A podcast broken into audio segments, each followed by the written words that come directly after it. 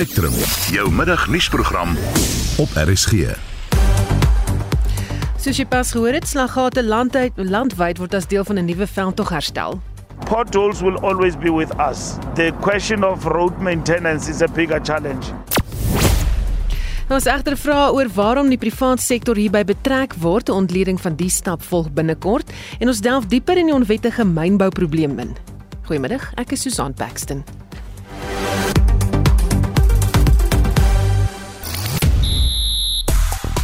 Goeiemiddag in sportnuus bietjie later. Suid-Afrika lewer sy derde wenner in die Britse Ope golftoernooi vir vroue op. In rugby was dit van begin tot einde 'n Springbok lekkerte. En by die Statebondspele staan Suid-Afrika se medalje oes nou op 27 na 9 dae se deelname aan die spele in Engeland. Die volledige sportbulletin volg bietjie later. Ek is Christo Gawie vir RSG Sport. En op sosiale media praat duisende mense oor Gauteng. Nou dit is die hitsmerk wat gebruik word vir verskeie kwessies. Een daarvan is die DA in Gauteng se beplande mosie van wantroue teen premier David Makuda en Martiney berig later in die program meer hieroor. En dan ook die minister van vervoer soos jy ook genoem het Susan is nou vir Kirim Balula het ook gepraat in Vanderbalt Park in Gauteng oor 'n slaggat projek en hierop reageer Twitter gebruikers met stories of is dit eerder klagtes van slaggate in hul woonbuurte. Maar jy het ook meer nuus oor hierdie projek. Ja, ons gesels ook daaroor 'n nasionale slaggatveld is vandag deur Sanral en die departement van vervoer van stapel gestuur.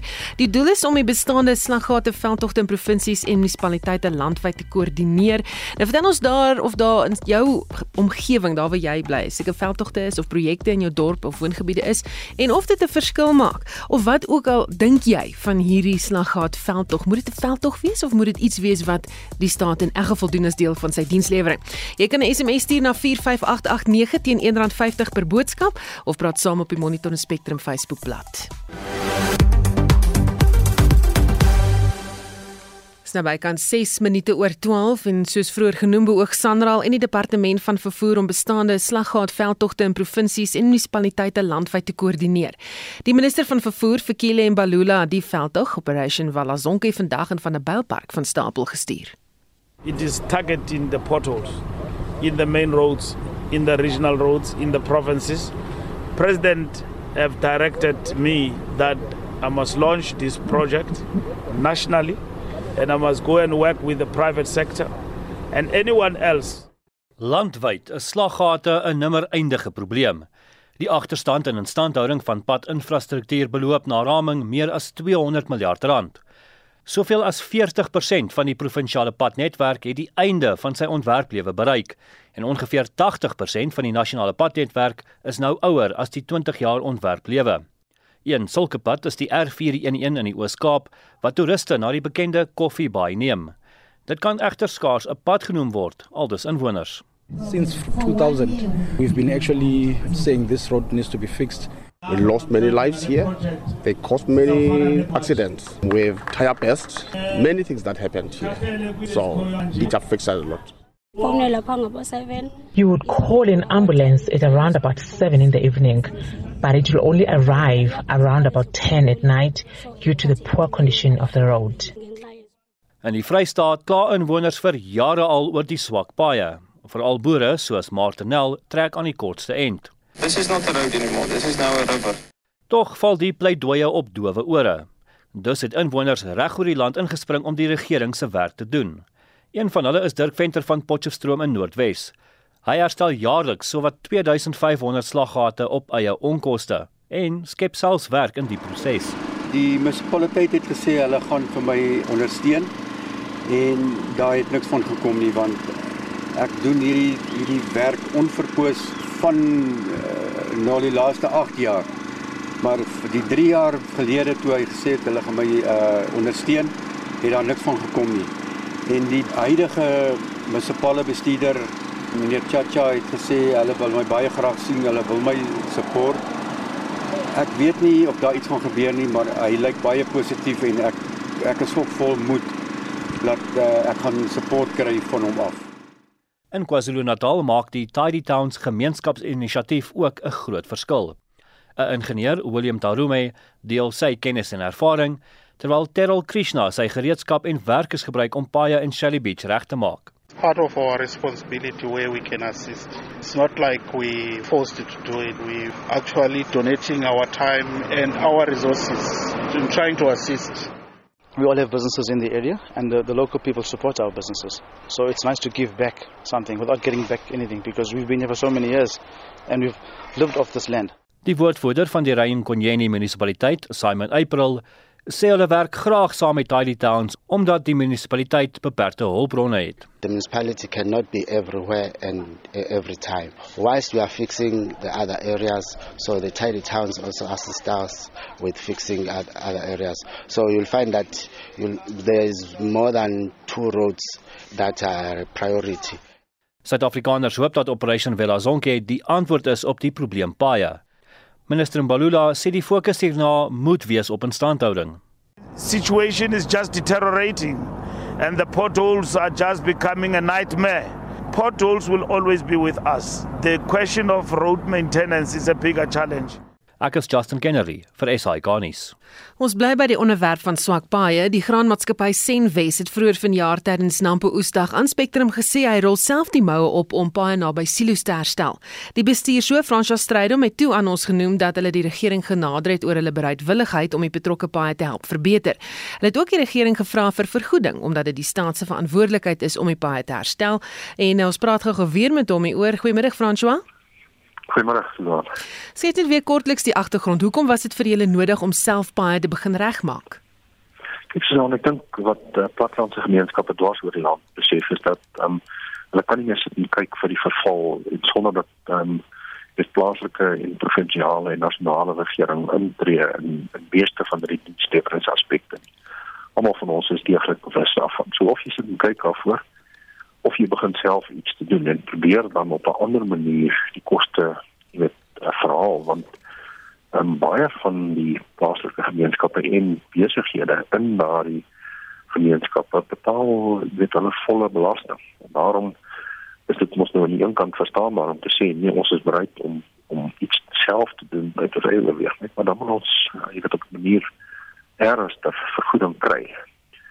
So die terugvoer daarvan Susan is ehm um, in die meeste gemeenskappe is die die um, ontplooiing van kaders die um, onvermoë en dan die absolute verval van die finansiële bestuur is in so 'n mate agteruit gegaan dat daar hulle, hulle kan jou eintlik nie meer betaal um, om om uh, infrastruktuur aspekte um, op te hou. Ek dink ook nie dit is noodwendig in baie gevalle hulle intensie nie. Hulle hulle hulle ehm um, kry voordeel deur die verval van die dienste omdat hulle dan buite die munisipale diens met privaat kontrakteurs aanstel waar in hulle hand het. Ons ons ken mos nou die storie.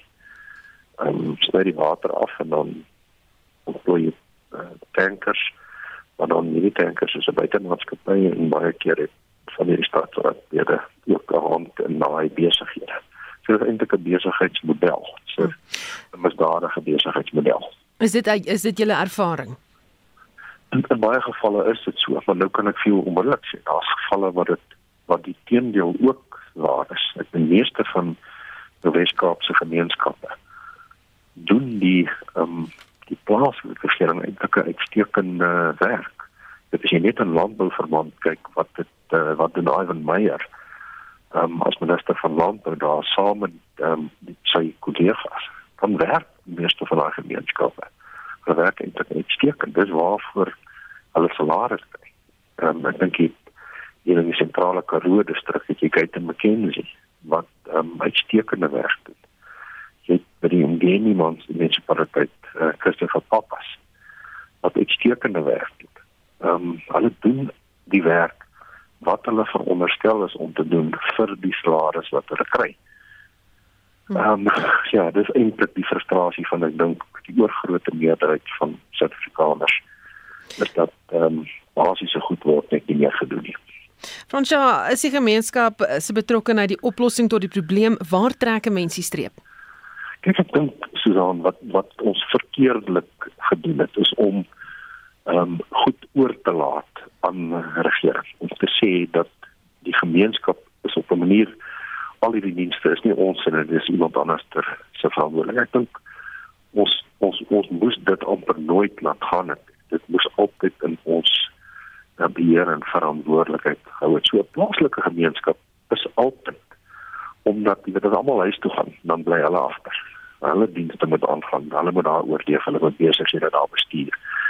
So ek ek dink dis 'n slegte ding dat as ons dit reg bestuur 'n goeie uitkoms kan hê. Net dat ons weer miskien 'n praktiese voorbeeld van die vraag wat jy vir my vra.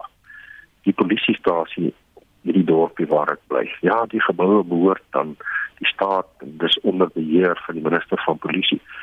Maar die polisielede wat daar opereer, die besigheidsmodel moet tog tot voordeel wees van daai gemeenskap. Hulle moet wet en orde vir daai gemeenskap en daarom het jy plaaslike intervensie nodig in eienaarskap daaroor. Dit is op die praktiese manier dit wat ek dit kan verduidelik. Hmm. Baie dankie. Dit was die Graanmaatskappy Senwesse bestuurshoof Fransja Strydom. Dr. Harlan Klute is 'n navorsingsgenoot aan die Departement Openbare Administrasie en Bestuur aan die Universiteit van die Vrystaat. Hy dink tog die regering het 'n punt beet deur die gemeenskap en die private sektor te betrek by die instandhouding van byvoorbeeld paaie. En ons praat nou met hom hieroor. Goeiemôre Harlan. Goeiemôre Susan en goeiemiddag aan al die luisteraars. Wat is jou mening oor die slaggatveld tog? Maar jy weet Nasibo, Nasibo is as as almal se verantwoordelikheid, eh, soos ek vanoggend vir ander kollegas gesê het. Uh, Nasibo gou by plaaslike regering en daar dit is belangrik dat die werk van die regering kan nie net na die regering gelaat word nie. Die private sektor en besigheid moet hande vat saam met die regering om te kyk na volhoubare oplossings.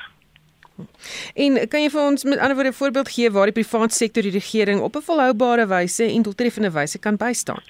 Kyk as jy mens kyk na die na kom ons vat die voorbeeld van Duitsland. Hulle het daar gehad, nou jy sê nou Wes-Duitsland en Oos-Duitsland. Een was kommunisties en die ander was westers. Uh met die val van daai muur het daar byvoorbeeld uh, 'n wealth tax gehad aan die westerkant. Vandag as ek kyk na na uh Duitsland is dit een verenigde staat. En so dit is belangrik dat dat die uh, regering en die pri, pri, pri, private sektor saam hande vat. Die probleem egter is dat ek dink daar is nie 'n onwilligheid nie as jy net kyk na uh Business Unity South Africa, die besigheid sake sektors. Besigheid wil hande vat met regering. Dit is ongelukkig so dat besigheid wil nie sien dat hulle geld gaan in 'n in 'n put wat die regering nie aanspreekbaarheid kan gee waarna toe daardie fondse gaan nie. En so ek dink nie daar's 'n onwilligheid by besigheid nie. Daar eh, daar is 'n gebrek aan vertroue in regeringskant. Hmm. En wat van die argument uh mense wat sê maar luister ek betaal belasting en dus moet hierdie dienste gebeur.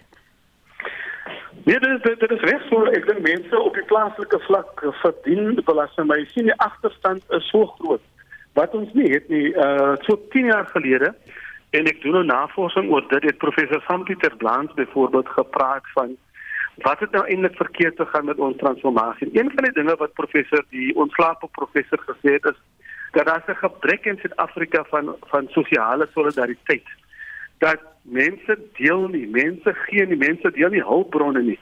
Geld is maar een manier, maar daar mense gee nie hulle tyd nie en so Dit is so belangrik dat ons 'n gesprek het onder Suid-Afrikaners oor hoe bou ons sosiale solidariteit en hoe bou ons vertroue tussen regering en tussen mense. Vir die werk van van nasiebou, die werk van heropbou is nie net tot die regering. Die regering het beperkte hulpbronne en die private sektor het al op meer as een keer gesê hulle is nie onwillig om te help nie om kundigheid in te gee nie, maar dan moet ons 'n regering kan hê wat wat kan vertrou word en wat aanspreekbaar is. Jy gee so amper half die antwoord van die vraag wat ek nou wil vra, maar hoe herstel mens dan daardie vertroue? Deur goeie leierskap, deur aanspreekbaarheid, deur deur goeie leierskap, deur gereeld met mense te kommunikeer. Ek dink die regering moet uh moet sê waar hy tekort gaan en waar hy kan help uh waar hy kan help moet kry. So uh, vertroue word geskep deur goeie gesonde verhouding en gesonde kommunikasie en deur goeie regering. Moenie steel nie. En en uh, om om daardie vertroue te te hou, moet regering dan ook hou by sy beloftes. Maar dit ons het nodig in hierdie land 'n nuwe sosiale kompak tussen die besigheidssektor, die regering en die gemeenskap. Gemeenskappe is keelvol. Soos ons die verlede week gesien het in die protesaksies daar in in Gauteng, mense is siek en sat van korrupsie en swak dienslewering. Hm. Baie dankie. Dit was 'n navorsingsgenoot aan die Departement Openbare Administrasie en Bestuur aan Universiteit van die Vrystaat, Dr. Harlan Kloete. Die minister in die presidentskap, Mondli Gungubele, sê daar word onderhandel om sy departement onafhanklik van die regering te maak. Gungubele se departement is verantwoordelik vir monitering en evaluasie. Hy het in antwoord op vrae aan die Nasionale Raad van Provinsies gesê dit sal die land in staat stel om 'n betroubare bron te hê van die regering se prestasie. Celine Merrington doen verslag. LPS sê die land benodig 'n stelsel waar vroeë waarskuwings kan opgetel word waar wanadministrasie plaasvind. Gungubele sê daar is besprekings aan die gang om sy departement 'n selfstandige entiteit te maak. One of the things one is thinking about is that has the time not come for instance for DPMA to acquire some autonomy. We're talking about repositioning DPMA look to actually acquire the status of being the most reliable lens through which the entire country follow the performance of the state. Gepraat van monitering, Gungubele sê die verspreiding van geld vir vloedverligting vir gebiede soos KwaZulu-Natal verloop baie stadig. Funding requests were slow due to the delays in completing assessments and verification of damages that needed to be done before funding applications could be submitted. Although National Treasury reported that the momentum has picked up concerning funding applications to the various funding streams, they are processing approval and release of funding. There were concerns about the pace of spending the allocation even when those processes are improved. Die ander minister in die presidentskap, Mahite Nkoana Mashabane, het ook vrae beantwoord. Sy sê alhoewel die regering probeer om maatreëls in plek te stel, is die uitwissing van geslagsgebaseerde geweld 'n taak vir die hele samelewing. We say this truly ashamed of what has happened in Krugersdorp a few days ago. That's why when I started with my intervention chair I said we need the entirety of society to make this history. It was very, very painful. Dit was die minister in die presidentskap vir vroue, jeug, kinders en mense met gestremthede, Mahite Nkoana Mashabane, Zelin Merrington, Parlement. Spanning loop steeds hoog in Kagiso aan die Wesrand na die verkrachting van ag vroue op 'n mynhoop in die polisie se veldtog om Zamazamas wat glo daarbey betrokke was vas te trek. Die minister van polisie, Bekkie Cele, het as deel van 'n imbizo oor die probleme in die gebied gesê die polisie doen alles moontlik om die misdaad daar hok te slaan. Maar die gemeenskap het nie baie positief gereageer op die gesprekke met die minister en die polisiekommissaris nie. Die gemeenskap wil hê dat die weermag moet ingryp in hierdie situasie. Maar ons praat nou met 'n mynboukenner van Webber Wenzel Manus Boysen oor eh, die Zamazamas of die onwettige mynwerkers in die hele bedryf. Goeiemôre Manus. Môre Susan. Mense wat onwettig myn, hoe groot is hierdie probleem? Ek dink dit is uh dit is 'n redelike ernstige probleem en die gevolge wat daar uit voortspruit soos ons nou gesien het daar in die Wesrand uh, uh maak dit eintlik soveel te meer ernstig. Hm. Hoe ontstaan so 'n probleem? Is daar dan nie wetgewing wat betref mynbou en mynwese nie? Het dan ons het 'n uitgebreide wetgewende raamwerk uh, waar binne mynbou moet geskied. Die mineraal en petroleum hulpbronne ontwikkelingswet verbied enige iemand om na 'n mineraal te myn, daarvoor te myn, uh sonder dat hy in besit is van die toepaslike reg in terme van daardie wet. Daar is natuurlik ook uh, omgewingsbestuurswette, die nasionale omgewingsbestuurswet uh, vereis dat jy 'n uh, omgewingsbestuursplan moet indien uh, as jy wil myn dat jy ook uh, omgewingsmagtiging moet hê en en die doel daarvan is sodat jy kan uiteensit hoe jou aktiwiteite die omgewing gaan affekteer en hoe jy daai uh, omgewingsimpakte gaan rehabiliteer en gaan mitigeer uh op die impak daarvan gaan verminder. Uh en uit die aard van die saak is hierdie onwettige mynbou is is in in stryd en uh is uh, met, met al daardie wetgewing. Daar's ook die wet op uh mynbou, myngesondheid en veiligheid. Uh mynbou is 'n groot gevaarlike aktiwiteit en uh veral onwettige mynbou uh het dan geen nakoming van van die uh veiligheidswetgewing nie. Uh dit is dit is aan die myn mynboukant uh, jy weet die die die handel in hierdie uh, edelmetale word ook uitvoerig gereguleer in terme van die wet op edelmetale. Uh daar kragtens mag niemand uh, goud wat nie tot 99,99% geaffineer is uh, nie handel dryf nie. En dan het ons ook die die Engelse naam die Currency and Exchanges Act die, die wet op betaalmiddels en valuta uh en die uh valuta beheerregulasies wat in terme daarvan uitgevaardig is mag niemand onverwerkte goud mee handel dryf nie. So ek uh, uh die af van die saak ek weet nie hoe daarmee daardie edelmetale gehandel word nie maar dit uh, dit kan nie uh, beter wees nie. Wel die vraag is wie koop dit uh, want dit word gemeen onwettig en dit word vir gekoop anders sou hierdie mense dit nie doen nie. Dit moet dit moet bepaal word uh, en uh, uh, dit kan bepaal nie op 'n wettige manier geskied nie. So as die die departement uh, nie in staat is om al hierdie wetgewing af te dwing nie uh, en die minister van polisie sê hy doen alles in sy vermoë om dit uh, die die onwettighede te beperk dan klink dit vir my uh, soos 'n kontradiksie uh, want die, die polisie moet tog uh, in staat wees om die wetgewing af te dwing en die departement moet uh, elke departement wat betrokke is met met die wetgewing afdwing. So uh, dit is vir my eintlik 'n onaanvaarbare situasie om vir die polisie om te sê ons doen alles wat moontlik is maar ons uh, maar dit die onwettighede gaan aan. Uh, dan klink dit vir my of die of die regering eintlik by 'n punt gekom het waar hy sê maar ek uh, ek is nie in staat om uh, om by taak as regering uh, uit te voer nie. Hmm. Terwyl jy gepraat het, het ek ten minste 3 departemente getel wat betrokke is by verskillende wetgewings wat betref mynbouwese en dan natuurlik die polisie wat moet probeer om wetgewing toe te pas misdaad te bekamp. Dink jy daar's politieke wil om hierdie te stop? Susan, ek ek my persoonlike mening is ek ek dink nie daar is die politieke wil nie. Ehm uh, die die hierdie onwettige aktiwiteite word waarskynlik ook gedryf deur armoede en ongelykheid, werkloosheid wat groot probleme in ons land is. Uh en dit is natuurlik ook die regering se taak om daardie aspekte aan te spreek. Uh so dit lyk vir my asof daar nie regtig politieke wil is om uh, om hierdie onwettighede aan te spreek nie. Nou is daar ook 'n element van uh dit is onwettige immigrante wat dan weer verdere wetgewing die immigrasie uh wetgewende raamwerk uh in plek bring.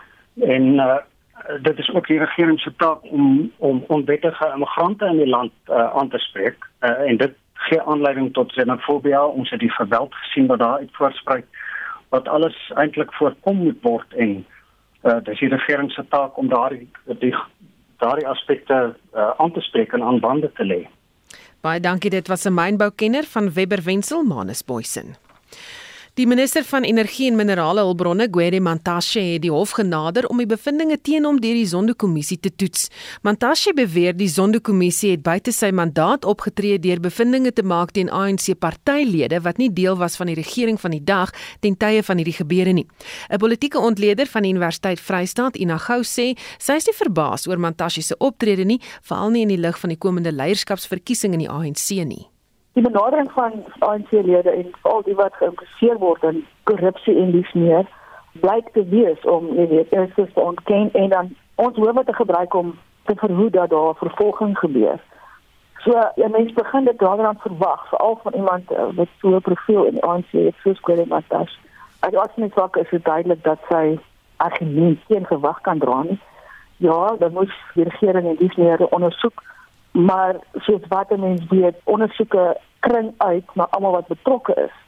By so 'n netwerk van korrupsie en as hy daarbey betrek is en as daar genoeg bewyse is vir die kommissie om voor te stel dat 'n behoorlike ondersoek gedoen moet word dan is daar mos nie net rook nie daar's ook vuur. En ek dink hy besef daai situasie is van wat van voor lê en hierdie is die eerste poging dink ek om te verhoed dat behoorlike vervolging kan gebeur maar ek dink alhoewel hy dit gaan uitdruk die proses soos wat ons ook verwag van hierdie mense gaan hy nie slaag daarin nie. Hoekom is dit vir hom so belangrik om sy naam skoon te kry? Wat is sy politieke aspirasies? Kyk, ek weet nie wat sy aspirasies is in opsigte van verder in die regering wees nie, maar ten minste binne die ANC glo ek dat hy steeds op baie hoë profiel wil hê en dalk selfs verhoogde pos wil hê binne die party self want dit is daar waar die mag lê en waar daai netwerke regtig tot hulle reg kom as ek as ek dit so kan stel.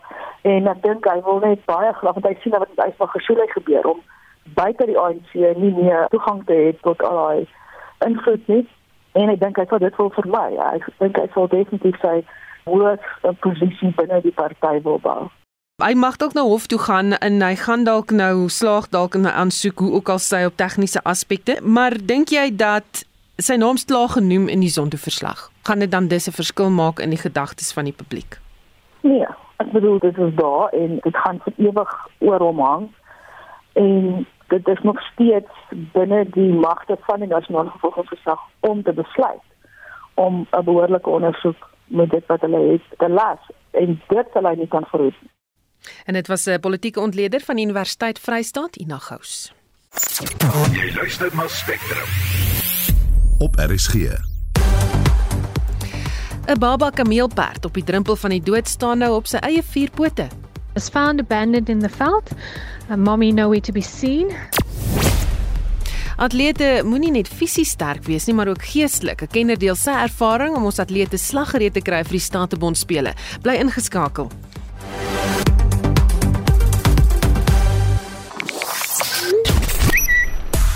En op sosiale media is Gauteng byna vergeete want 'n vars briesie waai deur KwaZulu-Natal en nou ook Twitter. Haar naam is Nomusa Dube-Ngube. Dit is die ANC se kandidaat vir die premierskap in die provinsie en die nuus word gedeel op sosiale media en verskeie mense besing haar lof. Met sommige wat self sê dat sy moet aansluit by die nasionale regering omdat sy baie meer daar sal kan verrig. Ons gesels nog oor die slaggatveld tog wat pas geloods het en Theo wat sê dis weer 'n slim slenter van die minister. Eers het die ANC regering deur middel van kaderontplooiing die staat kaal geplunder met belastingbetalers geld. Toe die fondse op alle regeringsvlakke opraak en die padinfrastruktuur in duie stort, het die slim politici gou met die plan gekom om die privaat sektor in aanhalingstekens te betrek om te help. Mense wat reeds die betaling van belastingbydrae nou instaan vir die regering se onvermoë en diefstal van bates wat juis vir infrastruktuur en standhouding aangewend moet word, sodat die kader nog kan aangaan om te plunder. Nie almal word deur hierdie triks mislei nie, sê Theo. Nog iemand wat vra, ons betaal lisensies, nie net belasting nie. Wat word van al die geld? Iemand wat sê daar's uh, onbevoegde mense in poste en Marizaan alles wat sê ek dink dit sal goed wees om 'n slaggatveld tog in elke dorp te reël. Die dorpe se paaie is in 'n slegte toestand oral in die land. Ek bly in die omgewing van Vryburg in Noordwes op 'n plaas en ons plaaspaaie is chaoties. Nou ja, ek het ook al daar rondgery. Dit is vreeslik. As jy nog wil saamgesels, kan jy vir ons SMS stuur of jy kan op ons Monitor Spectrum Facebook bladsy kuier.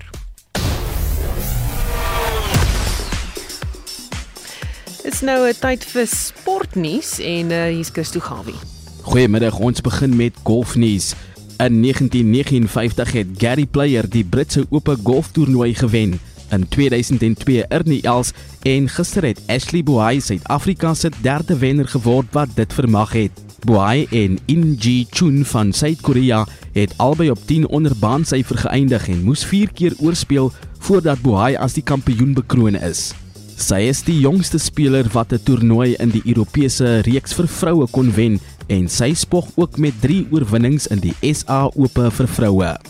In rugby nuus was Saterdag se oorwinning van 16 punte oor die All Blacks die grootste vir die Springbokke en eerste tuisege sedert 2014 oor die Nieu-Seelandse span.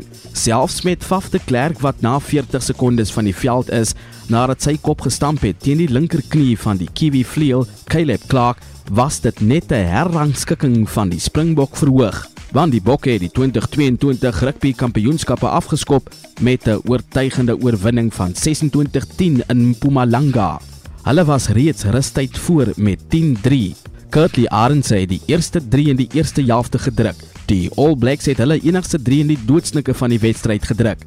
Willie Leroux het kort daarna deurgeglip vir die Bokke se laaste 3. Malcolm Marx wat in sy 50ste toet gespeel het, was die speler van die wedstryd. Die twee spanne sê mekaar Saterdag weer die stryd aan, die keer op Ellis Park in Johannesburg.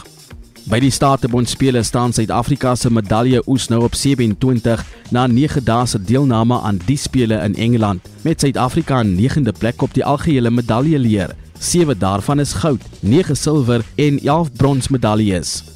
Zenay van der Walt het die bronsmedalje in die 400 meter vroue hekkies verower, terwyl Nicolaas de Lange tevrede moes wees met die silwer medalje in stoei. Piwo Kusem Guni bring die bronsmedalje in die liggewig vroue boksafdeling huis toe. Die Proteas mans hokkiespan het sy halfeindstryd kragmeting teen Indië verloor. Daryl Impey het 'n silwer medalje ingepalm tydens die mans fietspadwedren. Die Nieu-Seelander Aaron Gate het die eerste plek behaal. Ashley Moelman Passio het in die vroue afdeling 11de geëindig met Kelly Preen net na haar. In die vroue afdeling vir spiesgooi het Joanne van Duyk 'n 6de plek behaal met 'n afstand van 57,12 meter. Suid-Afrika se juniors het die onder 20 wêreldkampioenskapsbyeenkoms gisteroggend in die 5de plek op die medaljeleer afgesluit en het totaal 5 medaljes verower, waarvan 2 goud, 1 silwer en 2 brons. En dit was Christo Gawie van RSG Sport. Ons bly by sportnuus. Die Statebond spele loop vandag ten einde. Agter die skerms is daar gewoeker om seker te maak ons atlete is fisies en geestelik gereed vir hulle items. Professor Pieter Creer van die Noordwes Universiteit is een van twee kliniese sielkundiges wat daarmee gehelp het en ons praat nou met hom. Goeiemôre Pieter. Goeiemôre, gaan dit goed? Dit gaan baie goed met my, maar sê vir my hoe groot rol speel atlete se geestesgesondheid tydens die spele? Dis 'n redelike belangrike aspek want uh, geestesgesondheid um, as dit nie goed is nie, gaan dit 'n definitiewe impak op prestasie hê. Maar ongelukkig uh, wanneer dit goed is, beteken dit nie noodwendig jy gaan beter vaar nie, maar ons kan sien die impak wat dit het, het om lank van die huis af weg te wees, onder hoë druk te wees en die publieke oog te wees. Het definitief 'n impak ongelukkig op die atlete van tyd tot tyd. Hmm, so presies het jy daarmee gehelp? Dis maar 'n gewone kliniese proses wat ons sal deurgaan um, in 'n tipiese terapie opset wat ons um, mag kyk waar die druk vandaan kom en bietjie help met die aanpassing van gedagteprosesse help die atlete om die die hele konteks te sien van waar hulle is en um, baie keer ook net die objektiewe oor te wees om te luister waar die druk vandaan kom. So daar's maar 'n aantal maniere wat ons daarby kan uitkom, maar ek dink net die geleentheid wat hulle het om om konfidensieel met iemand te kan gesels en iets iemand wat nie die afrigter is of deel van die bestuur is nie, help hulle definitief net om die konteks in 'n ander lig te sien. Hmm. Word daar in die algemeen genoeg gedoen om atlete op hierdie vlak by te staan? Ek dink oor die laaste paar jare is dit 'n baie sterk um, beweging wat tans gebeur beide van die um, Olimpiese Komitee se kant af internasionaal maar ook in ons eie land gelukkig weet wat uh, jy kan sien uit die feit dat daar ten minste twee van ons hierdie keer aangestel is om die atlete by te staan. So daar's definitief nog ruimte vir groei, maar daar's ons is in 'n aansienlike beter plek as wat ons 5 of 10 jaar terug was. Is daar lesse wat jy van atlete geleer het? Ek dink lesse oor die algemeen um, wat mense dalk in die lewe kan toepas is dat werk met 'n plan eerstens, maar ek dink die ander belangrike ding wat vir my uitgestaan het is vir alles jy hard werk in 'n in 'n gewone werksomgewing ook. Iets wat atlete baie goed doen is om hulle herstel, hulle recovery te beplan.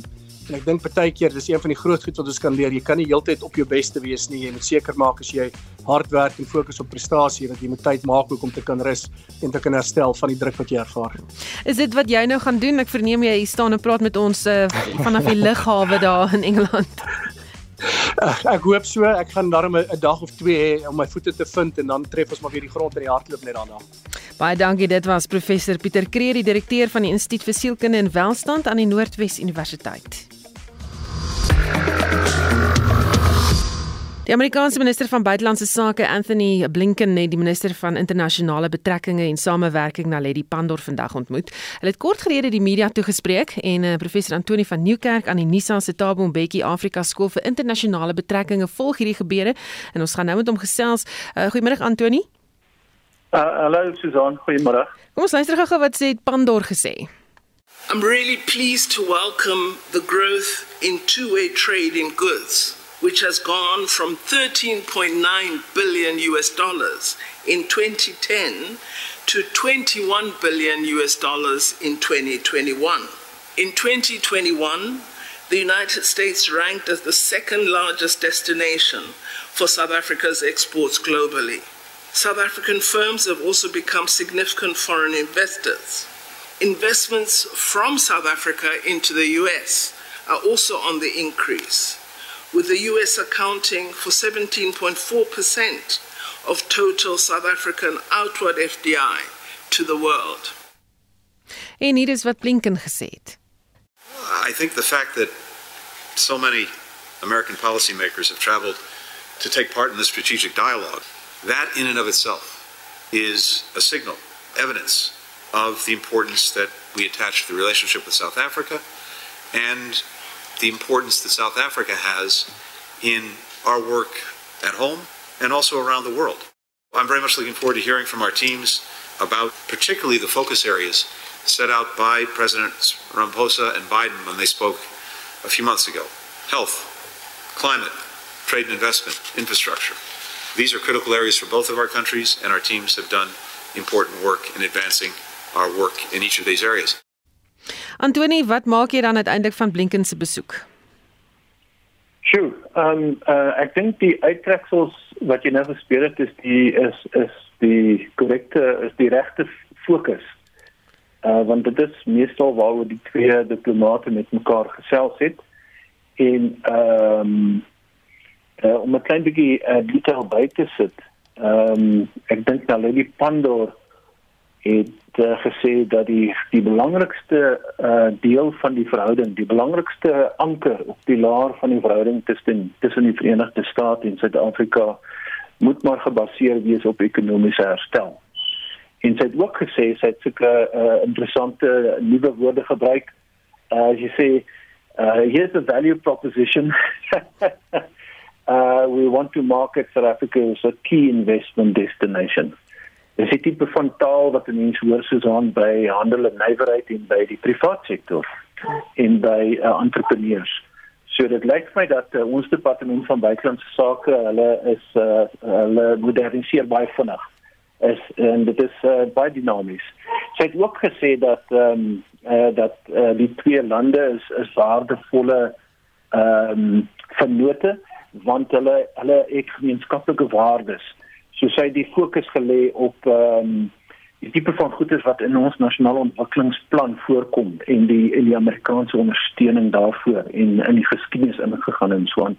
Blinken op sy beurt het ehm um, het vier goederes genoem wat hy dink belangrik is in die verhouding wat waarop voortbeduur moet voortborduur moet word. Die eerste een is is uh, gesondheid en hy het uh, uh, ten regte, jy weet, uh, verduidelik hoe die Amerikaanse ondersteuning vir die HIV vigs kampanje oor baie jare heen wat met Bush begin het, die sogenaamde PEPFAR projek 'n groot verskil gemaak het en dit is waar. En die tweede een is klimaatsverandering, die uh, idee van 'n energieoorgang. Uh, die derde een is infrastruktuurontwikkeling eintlik maar in Afrika moet ek sê en die vierde een is handel waaroor hulle al twee gepraat het. Hy het nou benadruk dat Amerika Suid-Afrika se tweede grootste handelsvernoot is. China is nommer 1 natuurlik. En dan te afsluit deur te sê die Amerikaners sal dalk projekfinansiering beskikbaar kan stel wat met die private sektor gaan gebeur. En dan Susan as ek vinnig kan bysê twee interessanthede wat uitgekom het is dat ehm um, uh, ons president is uitgenooi na Washington toe Uh en dit is alles ter voorbereiding wat ek dink hy sal aanvaar as hy nog die president is. Ons neem so aan en dit is alles ter voorbereiding van 'n sogenaamde US Africa Leadership Summit.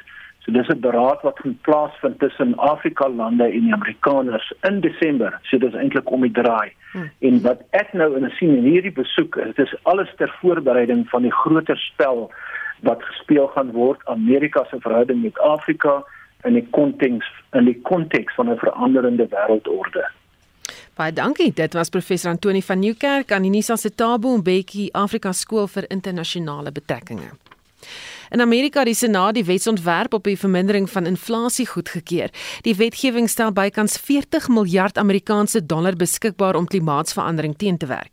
Indien die wetgewing geïmplementeer word, kan dit beteken dat Amerika se kweekhuisgasemissies teen 2030 met 40% kan sny.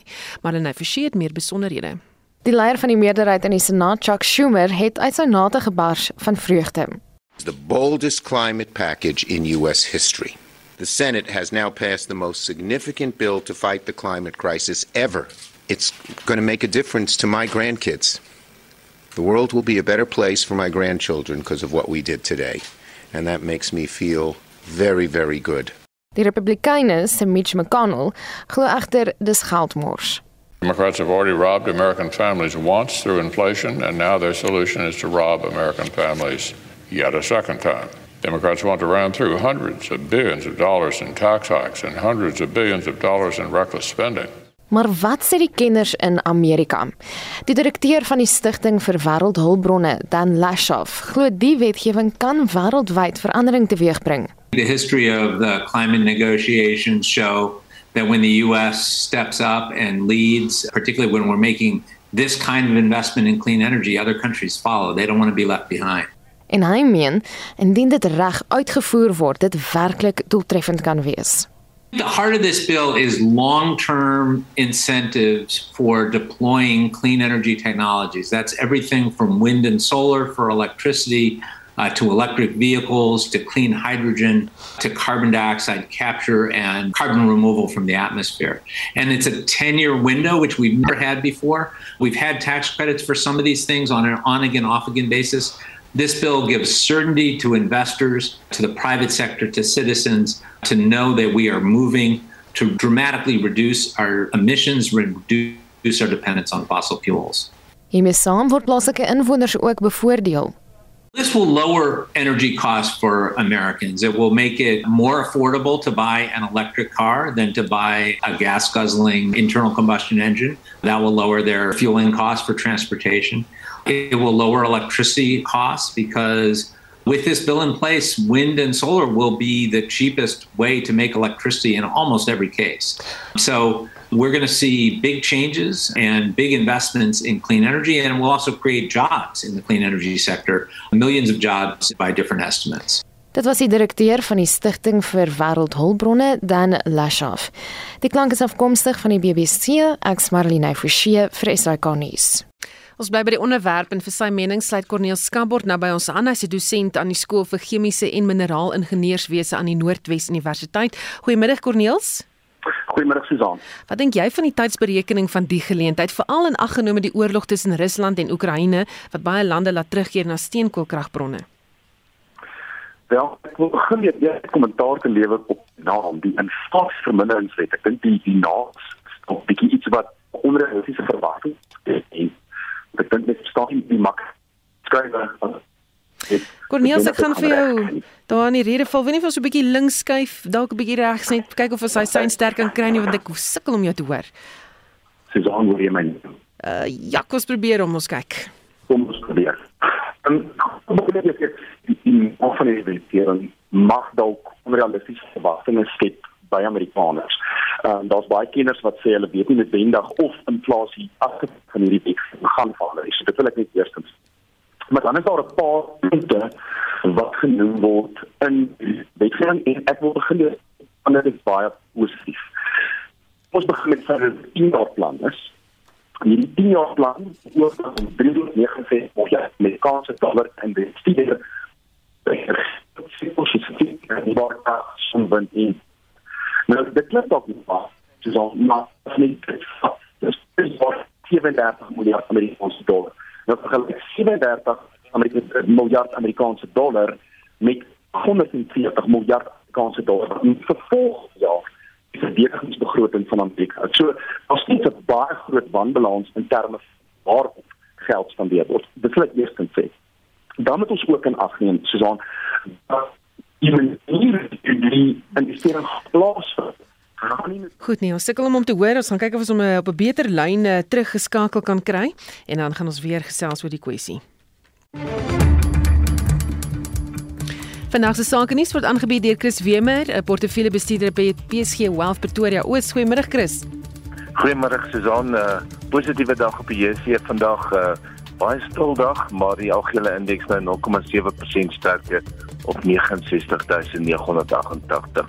Vroeger was dit deur die vlak van 70000. Al die indekse in in die, in die groen, die Nasdaq indeks 0,6% hoër, uh finansiëel 0,7% sterker en albronne ook so 0,8% sterker. So van die aandele wat uitstaan vandag, veral by die miners, is die platinum miners wat goed getoon met die platinum en palladium pryse wat uh, baie sterk op is vanoggend en Pala Platinum 4% hoër op 189.07 Sibanye Gold 3,9% hoër op 43.31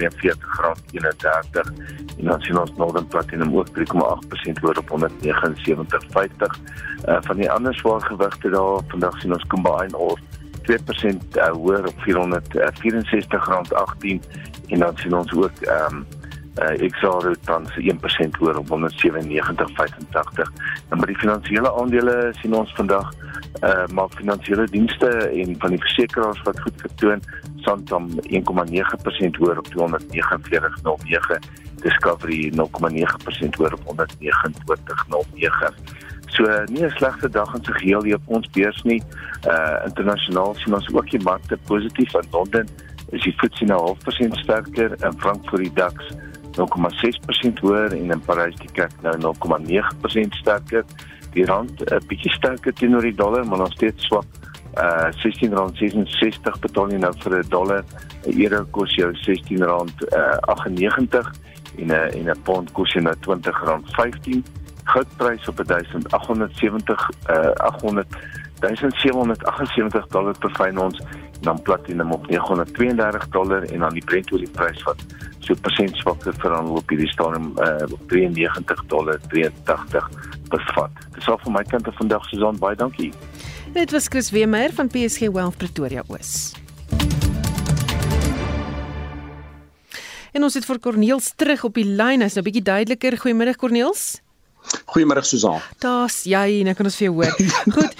Amerika is wel die land met die tweede hoogste kweekhuisgasvrystelling in die wêreld. Sou die stap in Amerika ander lande inspireer om dieselfde te doen? Ek glo so Susan.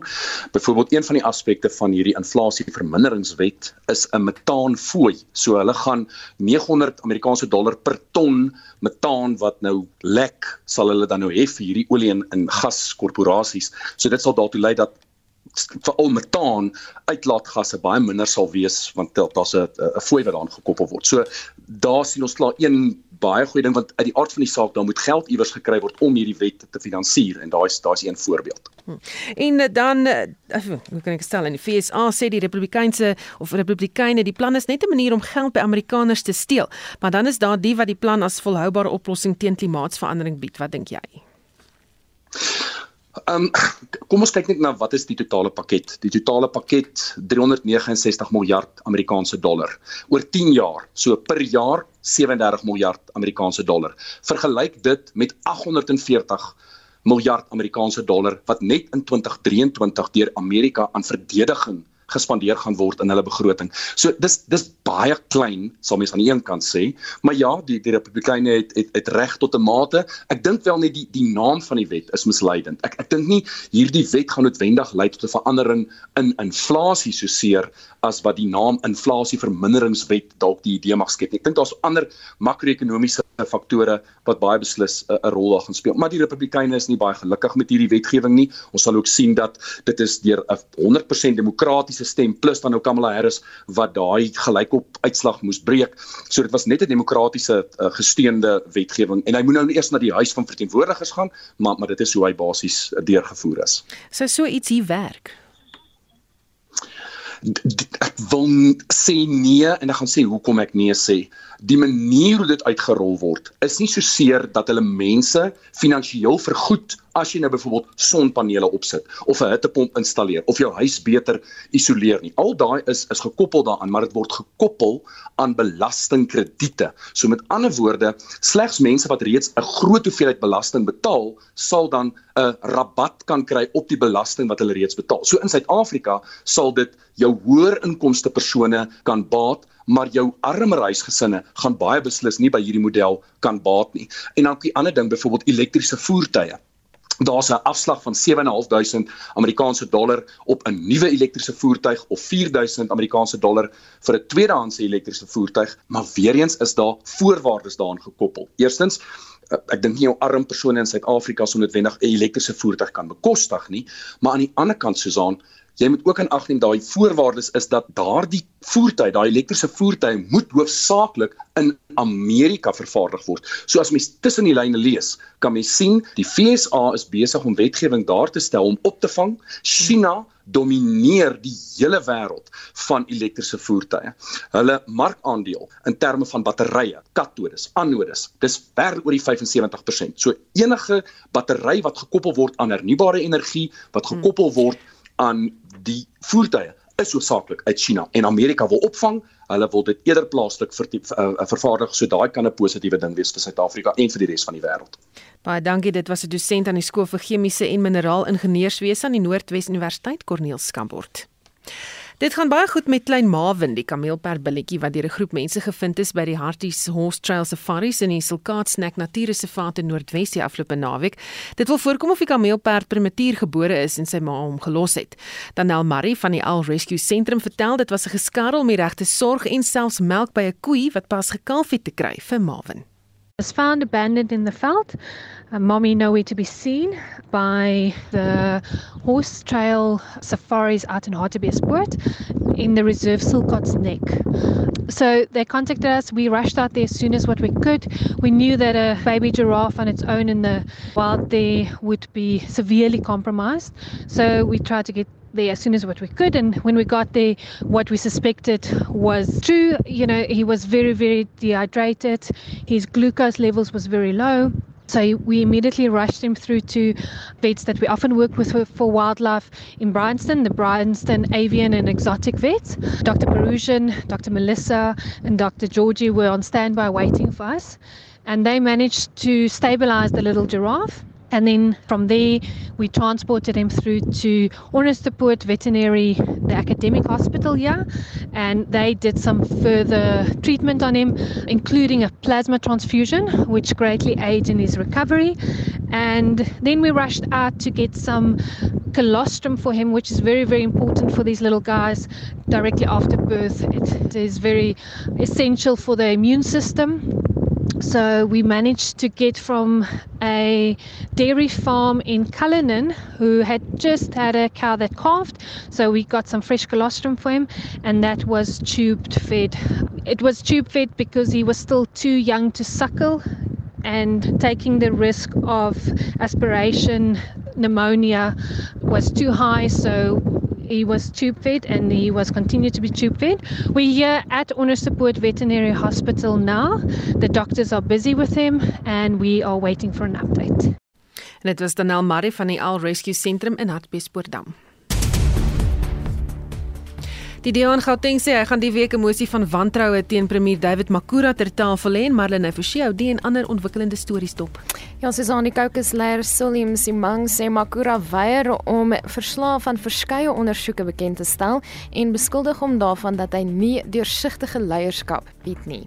Another report that we've been waiting for is the PPE report. Where did money go? Where did the 2.2 billion rand money go? Because when you ask Panyaza Lesufi, Panyaza Lesufi says, I'm shocked, I don't know. This is now months and months ago. What investigation has taken place? What report has now come out? Who has been sent to jail? Who has now been prosecuted? We're not getting those answers. En as jy nou nog nie gehoor het nie, die ANC in KwaZulu-Natal het Nomusa Dube-Ngube benoem as premierskandidaat in die plek van Sihle Zikalala.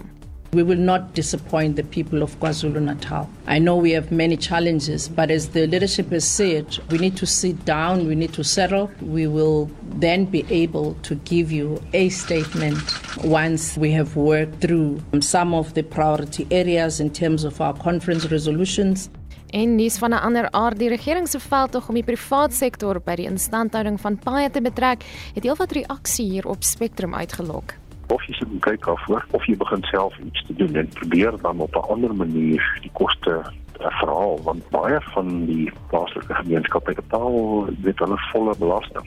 Daarom is dit mos nou aan die een kant verstaanbaar om te sê nee ons is bereid om iets self te doen maar dan moet ons ernstig vergoeding kry. Nasie ons as almal se verantwoordelikheid. Dit is belangrik dat die werk van regering kan nie net na die regering gelaat word nie. Die private sektor eh, en besigheid moet hande vat saam met die regering om kyk na volhoubare oplossings. En dit van die reaksie op Spectrum vandag. daarmee groet die Spectrum span onthou ons buite uitsendingsmôre van die Cresta Crossing in Johannesburg vir Vrouedag kom maak 'n draai daar. My naam is Susan Paxton. Geniet jou middag. SAK nuus. Onafhanklik, onpartydig.